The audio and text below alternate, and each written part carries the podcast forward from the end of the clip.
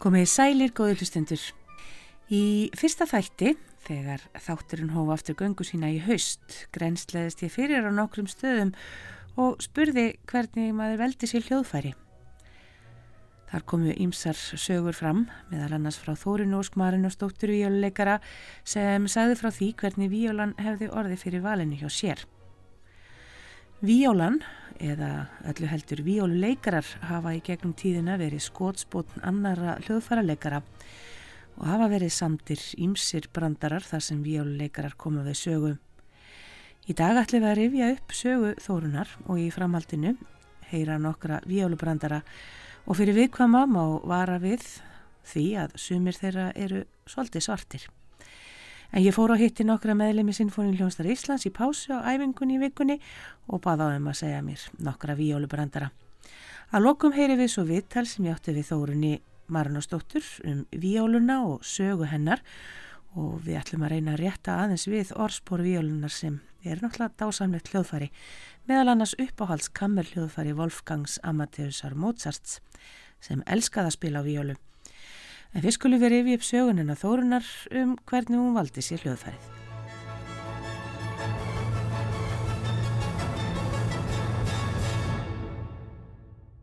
Ég heiti Þórun Óskmarnastóttir og er víluleikari og um, þú bast með að segja af hverju ég valdi víluna en það er sko aldrei saga að segja frá því, það er ekki vist að þátturinn því en hérna það var sko þannig að Ég, uh, þegar ég var vildur unlingur þá hætti ég að læra á fylgu, ég var sem styrleikari og hérna uh, ég þurfti bara að fá mína útrás uh, hætti á fylgu og, og, og djammaði svolítið, setti fylgun undir rúm.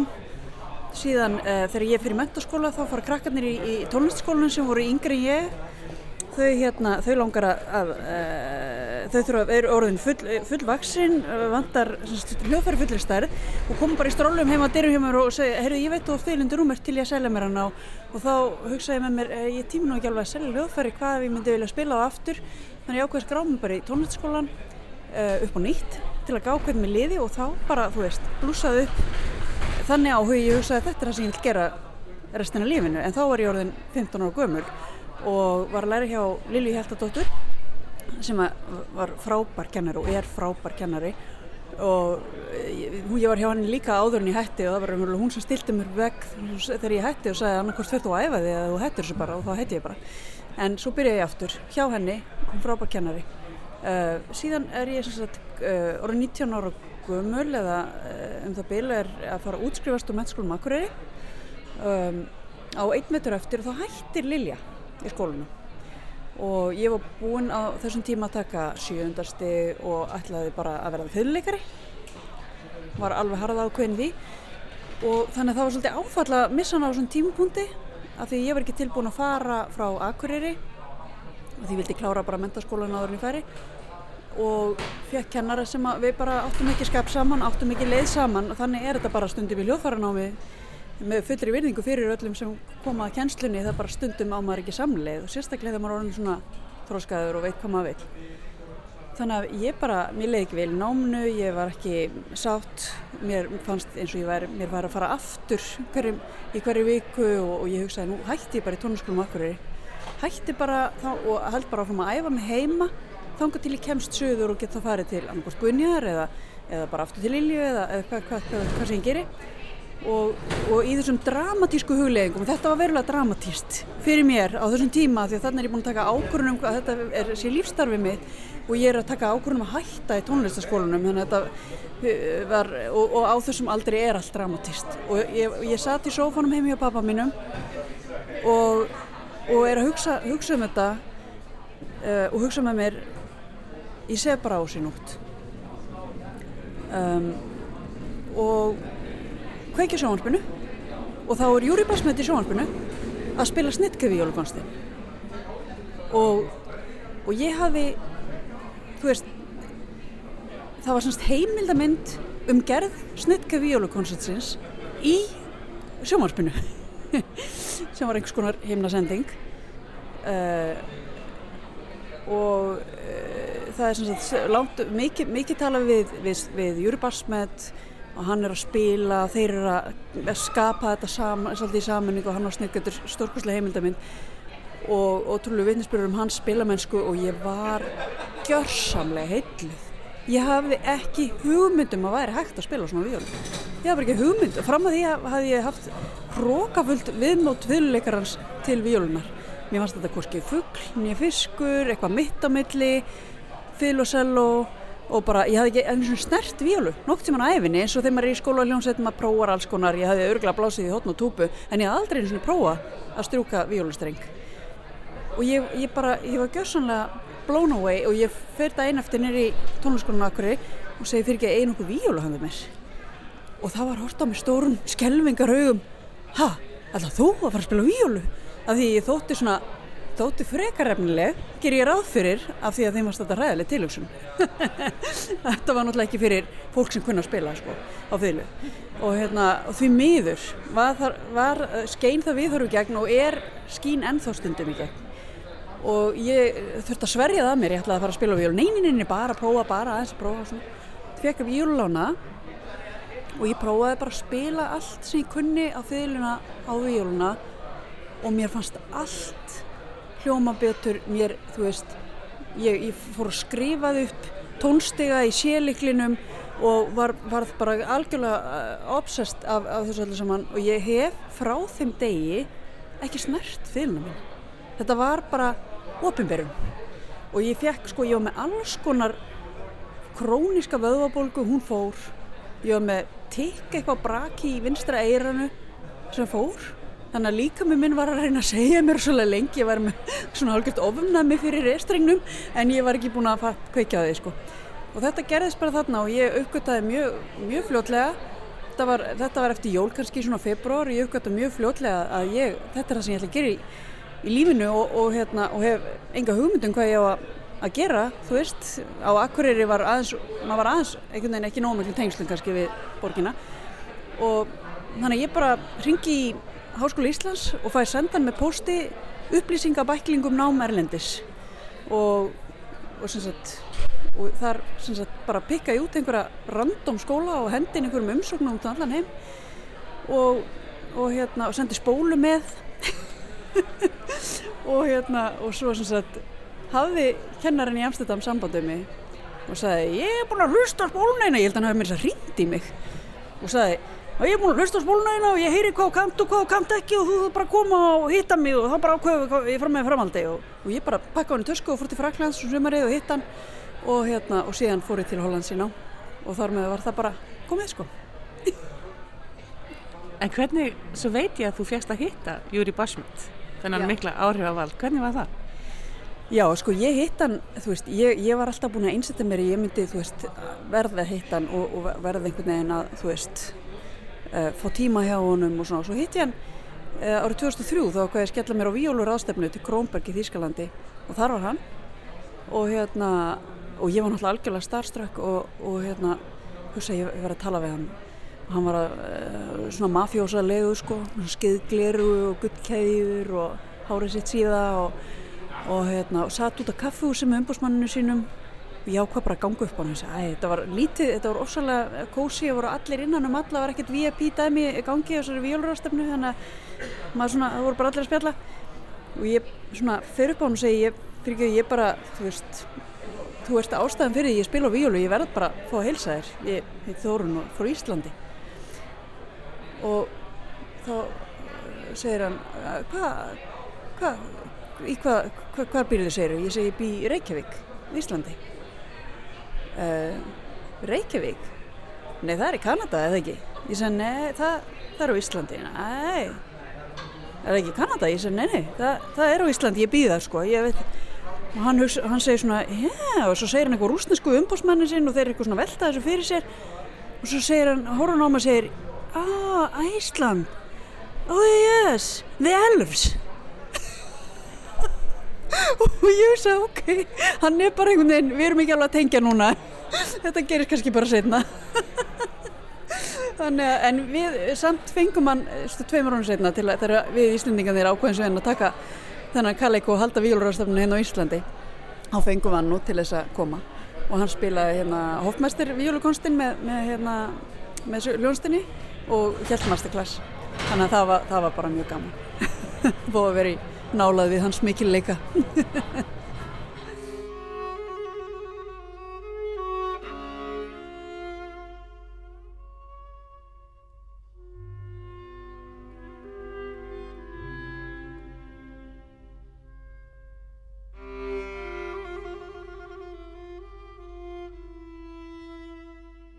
eins og var hérna dætt einhver stjórnandi út með mjög stötu fyrirvara. Og það var einhver í víoledeildinni sem var sko búin að læra hljómsveitastjórn og hann bara, þú veist, skellti sér upp á svið og stjórnaði alla vikuna og alla tónleikana svo kom hann aftur í næstu viku og settist við liðin á pultfélaganum og þá sagði pultfélagin Hvað er þú búin að vera maður? Ó, ertu tilbúin? Sko það var vjóluleikari, hann var að koma heim af æfingu og hann kemur að það sem að lauruglubílar eru fyrir fram húsið hans og svona do not enter sign og, og, og húsið hans búið, til, búið að brenna til kaldra kóla og hann segir fyrirgiðið, fyrirgiðið, ég á heima hérna, þú veist, hvað er í gangi? Þá segja lauruglumennir, við erum okkur þykir þetta svakalega leiðilegt, herra, en stjórnandinn, hann kom til þín drap hundin þinn, naukaði konuninni og kveikti húsinu þínu. Og hann segir, ég trús ekki, kom stjórnandinn heim til mín. Hvað gerir við daginn víóluleikara? Þú færir hann aftur um eitt pult. kann engan víóluleikara. saklus hann er yndislega víóluleikara? Já, margir bestu vinni mínir eru víóluleikarar satt.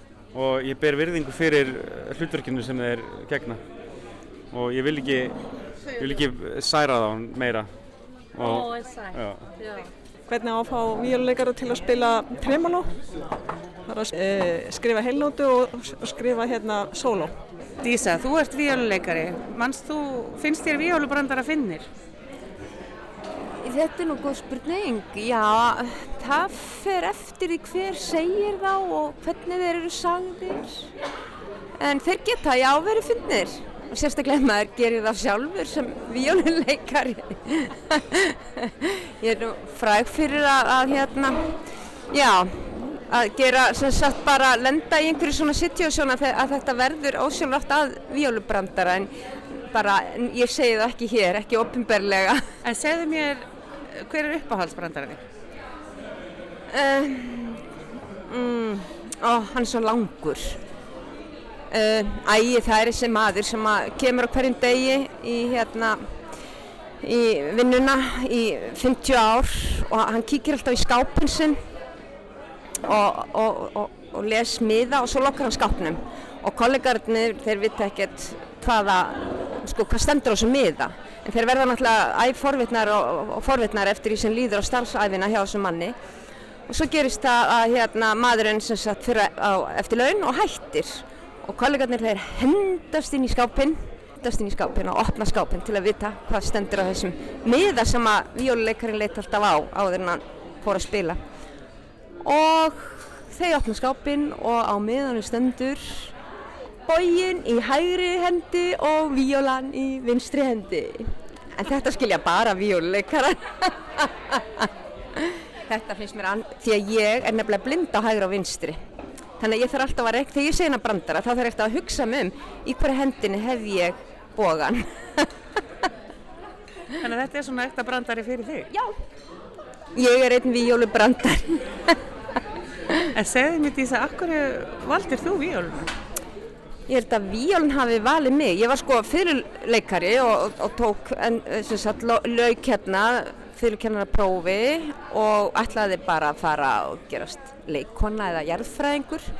En þá fór ég og, og, og svona bara fyrir slisni fór ég að svona, já það var ekki alveg fyrir slisni, það var eiginlega, það var kona sem kom til mín, hún er, hún er skal ég segja allt söngkona á Akureyri og ég var að spila og hún kemur til mín á, ég var að spila á svona veitingastað einn og hérna þjóðurlu, íslensk þjóðurlu og hún segir þú hefur ekki fiðlutón í fiðlunniðinni, þú ert með víólutón. Og ég man þetta var sumarkvöld og ég ringdi í Helgu Þórarins víóluleikara og spurði hana hvort hann væri til að kenna mér á víólu. Og hún sagði já, hún hafði að vísu kent mér á fiðlu en líklegast hafði sko fiðlutónin þróast svona yfir í víólutón en ég, þetta var, er það besta skref sem ég tekið á æfi minni. Það er ekki spurning. Finnst þér einhver tíman særandi svona þegar að uh, víólan verðist við landa í svona einelti?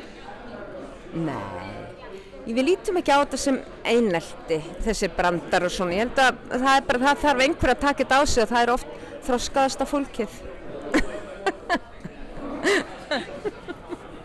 Að hvernig kemst maður hjá því að, hérna, að fiðlunum hans veri stólið og þá setur maður hana sjálfsögð í víólukassa.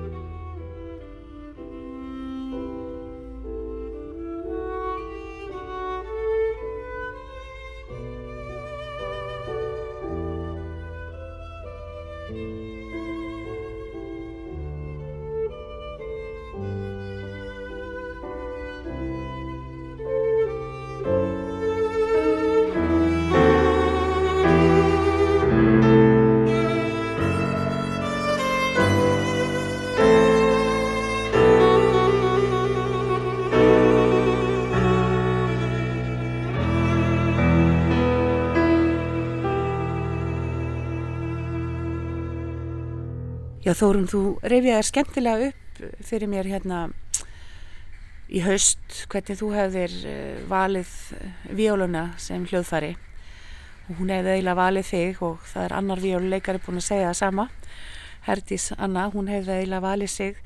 Þannig að um, svo eru þessir viólu brandarar sem ég veit ekki alveg hvaðan koma. Hvaðan heldur þú að þetta sé sprottið að vióluleikarar séu svona já, kannski ekki beint fyrir einelti heldur svona séu, séu svona skotspotn um, kannski bara því við kunnum að taka við erum alltaf fyndin og skemmtileg. Uh, ég, þetta er náttúrulega þú veist uh, mér verður náttúrulega ég hugsa náttúrulega strax til Tóta þegar hann spurði þessar sömu spurninga hérna í uh, hérna hvað það klassikin okkar hérna í, það var sjómasútsendinga og svona vittal við hann á milli og hann sagði þetta er náttúrulega bara öfund það er gott svar.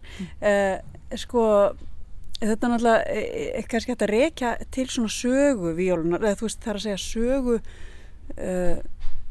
hljóðfara, hljóðfara leikarana og hvernig víólan verður að, að svona jafn gildu hljóðfari og einleiksljóðfari með tímanum af því að það kemur ekki frá sama tíma sko þú veist, sel og eh, eru einleiksljóðfari frá upphafi og virtuósisljóðfari meðan að Víólum var, veist, og það lotti lengi við að þetta væri svona annarsflokks fyrirleikarar sem að væri síðan settir í Víóludeildina til að spila umpappaðið undir.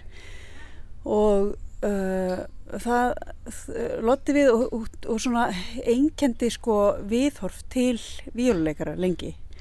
Og hérna uh, og þess vegna, þú veist, þaðan er þetta sennilega sko brotti til að byrja með. Þetta sé svona uh, hálgeri lúðar sem að spila á víólu og, og víóla sé hálgert lúðar hljóðfæri skilju en það er það náttúrulega alls ekki lengur og, og þess vegna náttúrulega bætir bara endalust í brandarina því að af því að þú veist það væri, ef þetta væri raunverulega satt þá væri þetta alltaf sárt. Þá væri náttúrulega enginn að segja þetta. Mm. þannig að, að, hérna, að þetta er bara svona já já, fólk hefur bara gaman að því En hver er það svona sem að, að byrjar uh, í raun og veru að gera víólunni háttundræði? Er það Mozart? Já, það má eiginlega segja að það sé Mozart sko af því að hann spilaði sjálfur á víólu og hafði útrúlega gaman að því. Man heyriða bara í verkonum hans. Uh, víólu kvinditanir til dæmis, það er að segja kvartet blues víóla sem hann skrifaði, það er bara einn besta kamamúsikin sem hann skrifaði það eru útrúlega marg slungin verk og mörguleiti fullkomnari heldur en kvartetarnir hans. Og það er eitthvað við það að hann bætir hann við einni vjóluröld sem, sem honum finnst gefa sér greinlega ákveð frelsi. Hann, hann spilaði gætnan uh, á vjóluna sjálfur þegar var að frumflytja verkinans og, og maður heyriði allir með sér klarnettu kvintennum þar sem að vjólu uh, í varjasjónukablanum er ólíka öllum hinnum og ég sé hann alltaf fyrir mér sko uh, hafa svolítið gaman að þessu þú veist að allir eru búin að vera að spila í dúr og, og, og skemmtilega varu og svo kemur Jólandi. Þetta er náttúrulega hljómar smá eins og smá djók sko. Sérstaklega maður þekkir svona hvernig karakter Mozart var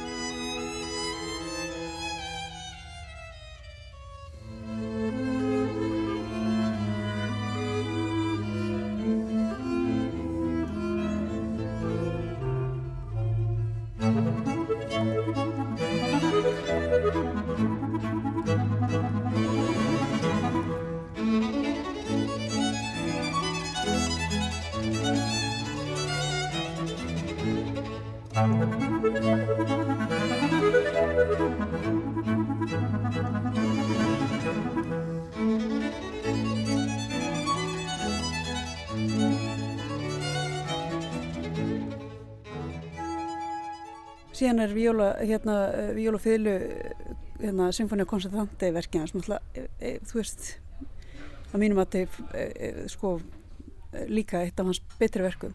Þannig að það er, þú veist, það, maður, maður finnur það sko, hann hefur greinlega haft gaman á hljóðfærinu og skrifa mjög vel fyrir það. Er það svona fyrsti, já, hvað segir maður, koncertstykkið, uh, Symfónia Concertante? Já, sko, það eru náttúrulega, það eru til hérna uh, koncertar eftir Stamets og Hofmeister sem voru svona samtímamenn hans. Það eru, eru koncertarnir sem er beðum í, í sko, til dæmis eh, hérna áhörnaprófum og svo leis. Það eru svona standardstykkin sem við þurfum að læra til þess að komast inn í hljómsveitir og svo leis. Skrifuðu þeir eitt koncert hvor, Stamits og, og Hofmeister? Já, Hofmeister skrifaði reyndar fleiri og, og gott ef að faðir Stamets skrifaði ekki líka einn, þú veist þetta er svona eitthvað aðeins þannig að Stamets Hofmeister. Þeir, þeir syndu þessu einhverju leiti svo eru til sko, svo eru til brandari sko það er til Jóhann Kristján Bach konsert fyrir víólu uh, og það er líka til konsert eftir Hendel fyrir víólu. En það er sem sagt svindlstykki af því að, hérna, að það var stórkslu maður uh, franskur sem að heitir uh, hétt Henry Casadesus sem að hérna fegst við það að skrifa konserta fyrir víólu í annara nafni sem er líka smá svona þú veist, einhvern veginn þetta gerist ekki fyrir hjá öðrum, öðrum hljóðfæradeildum. En hann sem sagt uh, hefur kannski fundið einhver smá drög að einhverju hjá þessum tömmu tónskaldum og svo skrifar hann bara heilan koncert og gefur það bara út sem koncert eftir Jóhann Kristján Bach. Og maður heyri það augljóslega bæði í öðrum og þriðakalblunum þetta eru áromantísk verk og, og hérna, það var ekkert með Jóhann Kristján Bach að gera nýja hendil náttúrulega. En hann gerir þetta alveg bliðanlaust og, og, hérna, og þú veist uh, og maður hugsar ok, já, kannski þetta fyrirgefa svoleiðis lítið repertoar og, hann heldur enginn spili kannski eitthvað nema að það standi eitthvað alveg nafn á því en bróður hans var vist mjög harsfýraður því að hann ávist að hafa skrifað Mozart þýðlukonsert held að hann hafi bara verið sagt það sko. Hann, hann var sagt að þér? ég held að já, Af því að eins og það var nú tekið fram í handbóltaleiknum sem við vorum að- öll að horfa á uh, hérna í vikunni að, að þá sem var að lýsa leiknum sagði tiltölulega mikið bannað. Já akkurat, það, það er tiltrúlega mikið bannað meðan að ef þú skrifar svona legitimate verkur í víólu þá, þá er allir tilbúinir að, að þú veist, að spila það aftur og aftur, þetta er mjög, mjög algeng nefndaverk sem eru, og við erum að þakla tónum Henry Casadesus Já, já. En svo eru fleiri sem að eru svo, fleiri tónskáld sem að eru svo víluleikara sjálfur, ekki bara Mozart, það er, það er Dvorak og það er Hindemith, uh, fleiri? Já, einmitt, akkurat uh, Já hérna hindi mitt skrifaði náttúrulega frábæra tónlist fyrir víólu bæði einleikssónutunnar hans og, og sónutunnar fyrir víólu píano og, og konsteinas er rosalega vel skrifaður fyrir, fyrir ljóðfærið liggur vel og, og hérna ljóma vel. Þannig að þú veist, maður finnur það sko Uh, já, Dvorsjak, hann náttúrulega skrifar merkilega víóluparta í sína kammermúsík oft og svona, stóra sóluröllur stundum þó hann hafi ekki skrifað neina hvorki sónutunni konsert eða nættulega sko. En hvað var það sem þú þurftir að, að breyta þegar að þú ákveður að skipta frá fylgni og yfir á víólu? Þú varst, þú segir frá því, eins og við erum búin að reyfi upp, að þú segir frá því að þú varst orðin svolítið svona, ja, varst ekki alveg viss hvað þú ætlaði að gera, en hvað var það svona sem að, að þú fannst að breytist?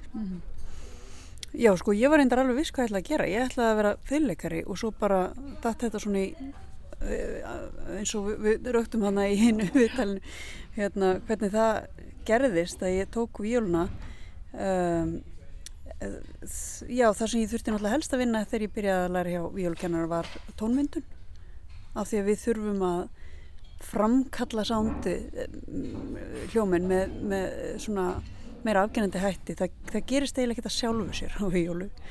Uh, hljóðfærið er í svona ófullkomnum hlutföllum. Ef þú tekur fylgu eða seló þá er það svona, þú veist, ef maður tekur einhver svona formúlu og setur það inn í búk, lengt versus strengja, lengt versus spenna hljóðfæri og eitthvað svona, þá er það formúla sem bara gengur upp.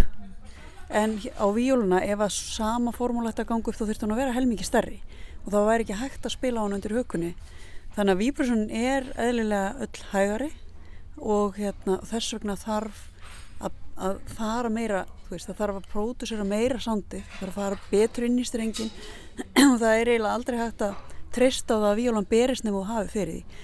Og, og það þarf að nota vinstruhöndina til þess að auka á að flytja hljóman út í salin og það þarf virkilega að hafa fyrir þessu þannig að, að það er það var kannski helsta breytingin sko að átta sig á því Er bógin stærri og þingri?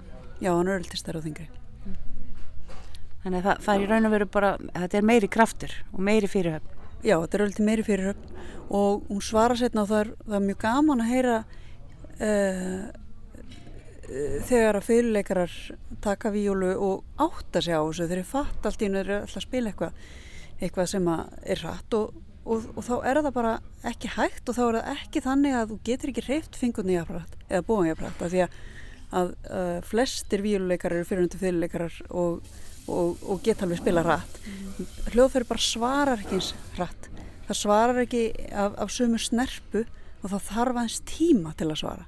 Þannig að, að maður, getur, maður getur kannski gert allt sem maður ætlar að gera en uh, til þess að, að hljóðferði svari þá er alltaf eskilega að gefa örlíti meira rými og, hérna, og ég þarf ofta að minna sjálf með það að maður þarf smá rými maður þarf að bakka í tempónu sem maður vil gætna taka út af þessu Og svo lesið þið í öðrum likli?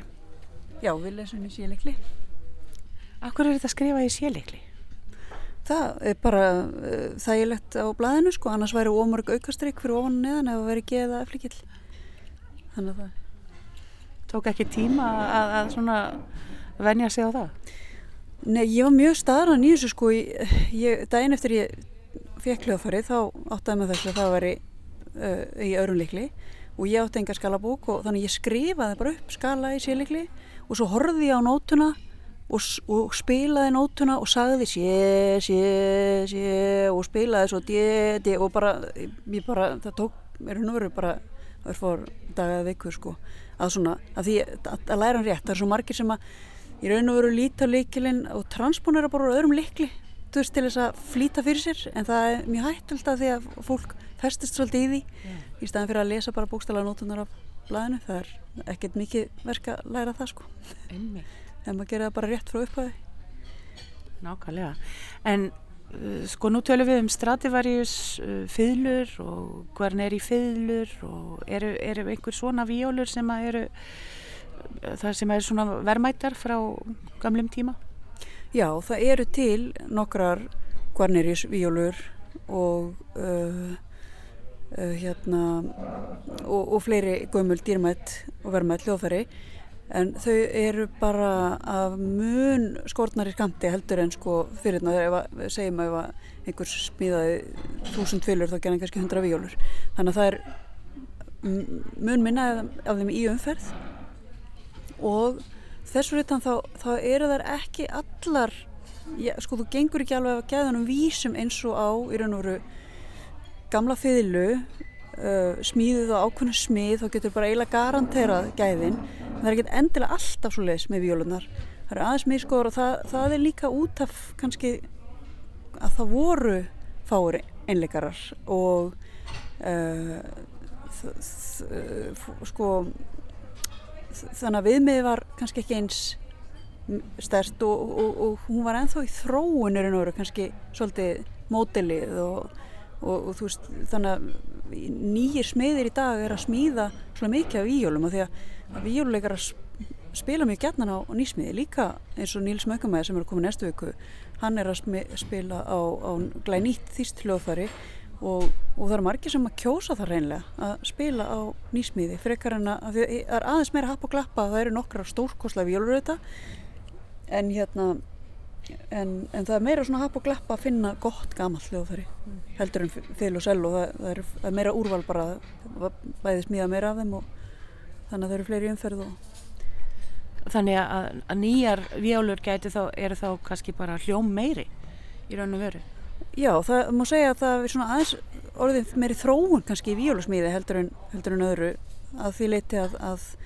að til að fylla upp í stóra sali og, og, og, og geta balanserast með hinu strengil hljóðforunum þá hafa víólusmíðir kannski verið svolítið í því að reyna akkurat að bæta í hljóminn og, og finna hvernig, hvernig er hægt að sko uh, að ná þessari sömu snerpu og víbrasjón eins og í hinnum hljóðfærum þetta er svona meira challenge. Og hérna um, já þannig að það er orðið svolítið þróun í því. Hvenar eru fyrstu vjólu einleikarinnar að koma fram? Sko maður segja að svona raunveruleg, kannski svo sem er nefndur alltaf sem svona fyrsti væri Lælund Hörtis og William Primrose og þeir voru svona brautriðendur þegar að koma að spila innleik á vjólu að því að Lælund Hörtis til dæmis umskrifa alveg svakalega mikið af músik og Primrose líka. Hvenar eru þeir fættir? Uh, þeir eru þarna í kringum sko uh, Primrosafættu 1904 uh, og Lionel Turtis er líka þannig í kringum aldamótin, kannski eins fyrr. Um, Já og þeir, þeir sagt, eru svolítið í þessu að umskrifa og það er ekkert ólgengt og farið kannski á víólutónleika þar sem að kannski eitt verk er upprunnulega skrifað fyrir víólu eitt er umskrifa úr fylgu og annað hodni og, og við, feng, við fáum að láni náttúrulega að okkar repertoar mun rýrara fram, fram eftir öldunum heldur en, en fylgu repertoar um, þannig að þeir byrja svolítið þar líka til að sína fram á hvað er hægt að spila á víóluna og til að fá tónskáld til þess að átta sig á hvað er hægt að gera og fara að skrifa meira fyrir víólu. Og, og þetta, þetta er náttúrulega mjög, mjög dýrmætt sko því að í gegnum þess að kalla verða þessi stóru koncerta til eins og Volton sem er að fara að vera að spila hérna næstu viku. Volton skrifaði hann fyrir Törtis uh, þegar hann var bara 27 ára gammal en Törtis hafnaði verkinu fannst það ekki uh, ég veit ekki hvað en uh, þannig hindi mitt frumflutta sem er svolítið sniðt en þá svona, svo snýrist Törtis á, á veg með hérna með koncertinu setna meir og, og spilaði hann heilmikið. Og uh, Bartók skrifaði sinn koncert fyrir Primrós og hérna þannig að þessi tveir stóru koncertar frá 2000-stöldinni uh, og svo hindi mitt skrifaði alltaf líka Svanendur er þannig að þessi þrýr stóru koncertar frá 2000-stöldinni koma mikið til út af Voltan og Primrós. Og, og svo í kjölfæri náttúrulega í dag er Snittgeður skrifað stórkslega Vjölkonstu Gúbætur Lína og fleiri auðvitað og bætast alltaf í sko en hérna en þessir svona þetta er svona hotsteinar í að byggja upp repertoárið fyrir víjulun og, og hotsteinar víjulurepertoársins má ég lega segja. Þessir tveir konsta, Volton og Bartók. Og hérna og það er endar svolítið saga að segja frá Bartók-konstinum að það, það er eiginlega og að einhverju leiti alltaf aðeins komist þegar maður er víjuleikari hvernig þessar sögur það er alltaf eitthvað smá svona víjulutvist allavega, hann sem sagt baði um þennan koncert, hann, hann Prímrós 1945 og hérna og Bartók var veikur og hann byrjaði að skrifa hann var ég held í orðin bara veikur þegar hann byrjaði að skrifa og hann dó frá verkinu hann, hann náði ekki að klára það.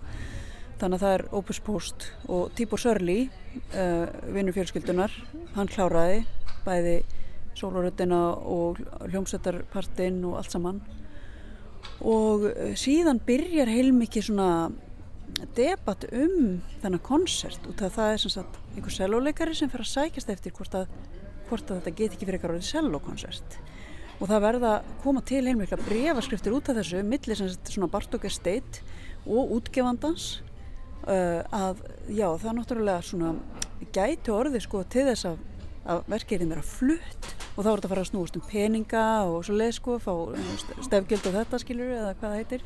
Hérna, uh, greiðslur af svona réttindum og þannig.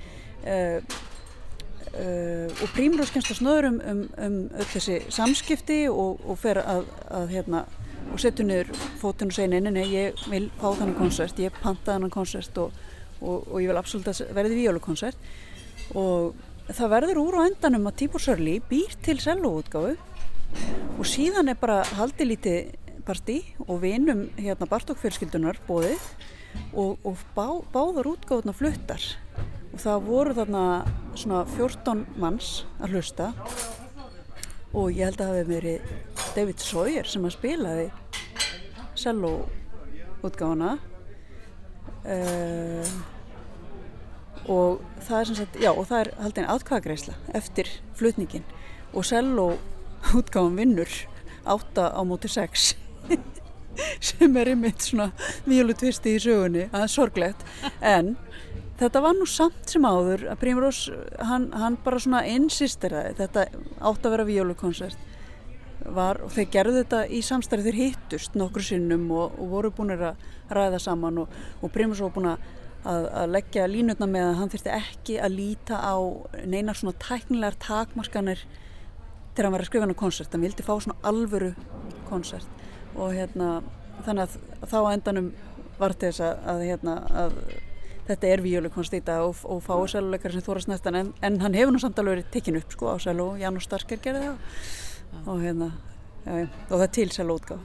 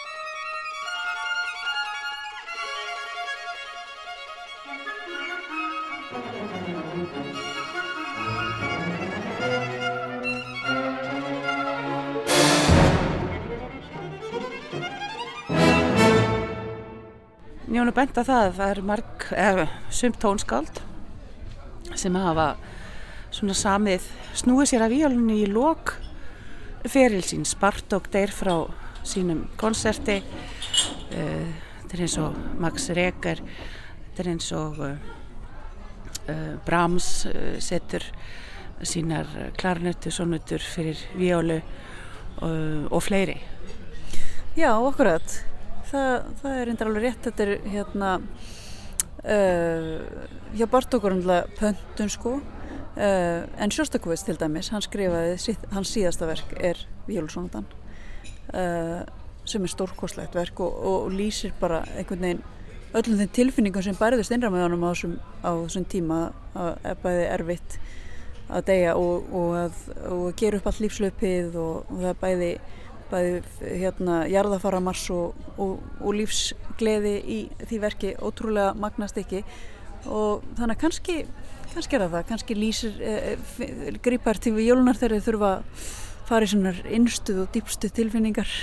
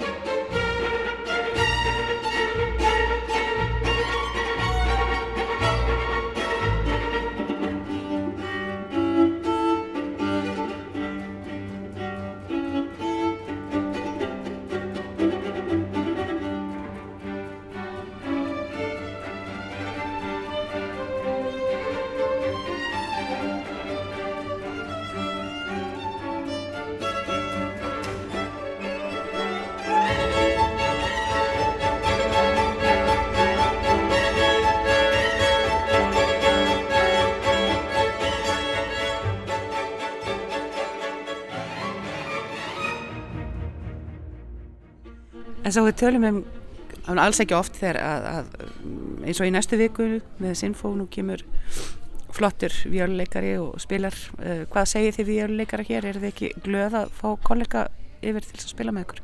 Við séum alltaf bara hurra, þú veist, við erum ótrúlega spennt sko. Það verður mjög gaman, það hefur ekki komið vjólu einleikari síðan að Lassanders Tomter kom, það er svona þrjú ár síðan, kannski þrjú, þrjú, neini, þrjú, fjögur ár síðan. Já, þetta er náttúrulega allt og sjaldan, við þurfum að gera eitthvað í þessu. Kannski hérna núna, þegar Níls er búin að koma, þá kemur hann kannski bara aftur fljótlega. Hann er alltaf stórkostlegur og verður ótrúlega gaman og við erum að skipulegja masterclass með honum og þannig að við fáum svolítið svona mikið út úr þessari heimsókn. Eru margir að læra á víólu hérna í dag á Íslandi? Sko, uh, það eru uh, í dag, veit ég ekki hvað eru margir í öðrum skólum en ég er með þrjánumundur upp í tónlaskólum og hérna í tónlaskólum í Reykjavík, eða semst MIT og tvo í listaháskólunum og hins vegar sko e, þeir sem hafa farið út í nám frá mér já, já sagt, eins og er þá, þá eru í framhaldsnámi frá Íslandi nefnendur sem að komu frá mér fjóra eða fimm núna og ef allt gengur upp næsta vettur e, þeir nefnendur sem að það eru tveir nefnendur sem veit að að sækjum mastersnám út í Danmarku og, og, hérna, og eitt sem ætlar að byrja í bíanámi þá, ef, já, ef allt gengur upp þá verða sjö íslenskir víjólunemnendur í framhaldsnámi í útlöndum næsta vettur sem að koma úr uh, tónu og listaháskólanum frá mér. Þannig að það, það er bara heil deild og rosalega spennandi gaman að hérna sjá hvað, hvernig þeim gengur alls saman Þannig að vegur víólunar er bara upp á við Já, já, þetta er alltaf koma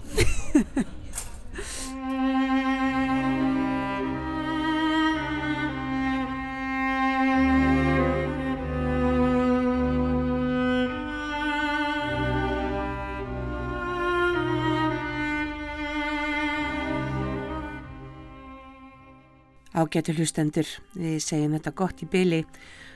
Ég vona að séu einhverju nærum vjálunna, það dásamlega hljóðfari. Ég þakka Þórun og Skmarin og Stóttur fyrir spjallir og þeim hljóðfaraleikurum Sinfoníu hljómsveitar Íslands sem sögð okkur brandaranna hér fyrir þættinum.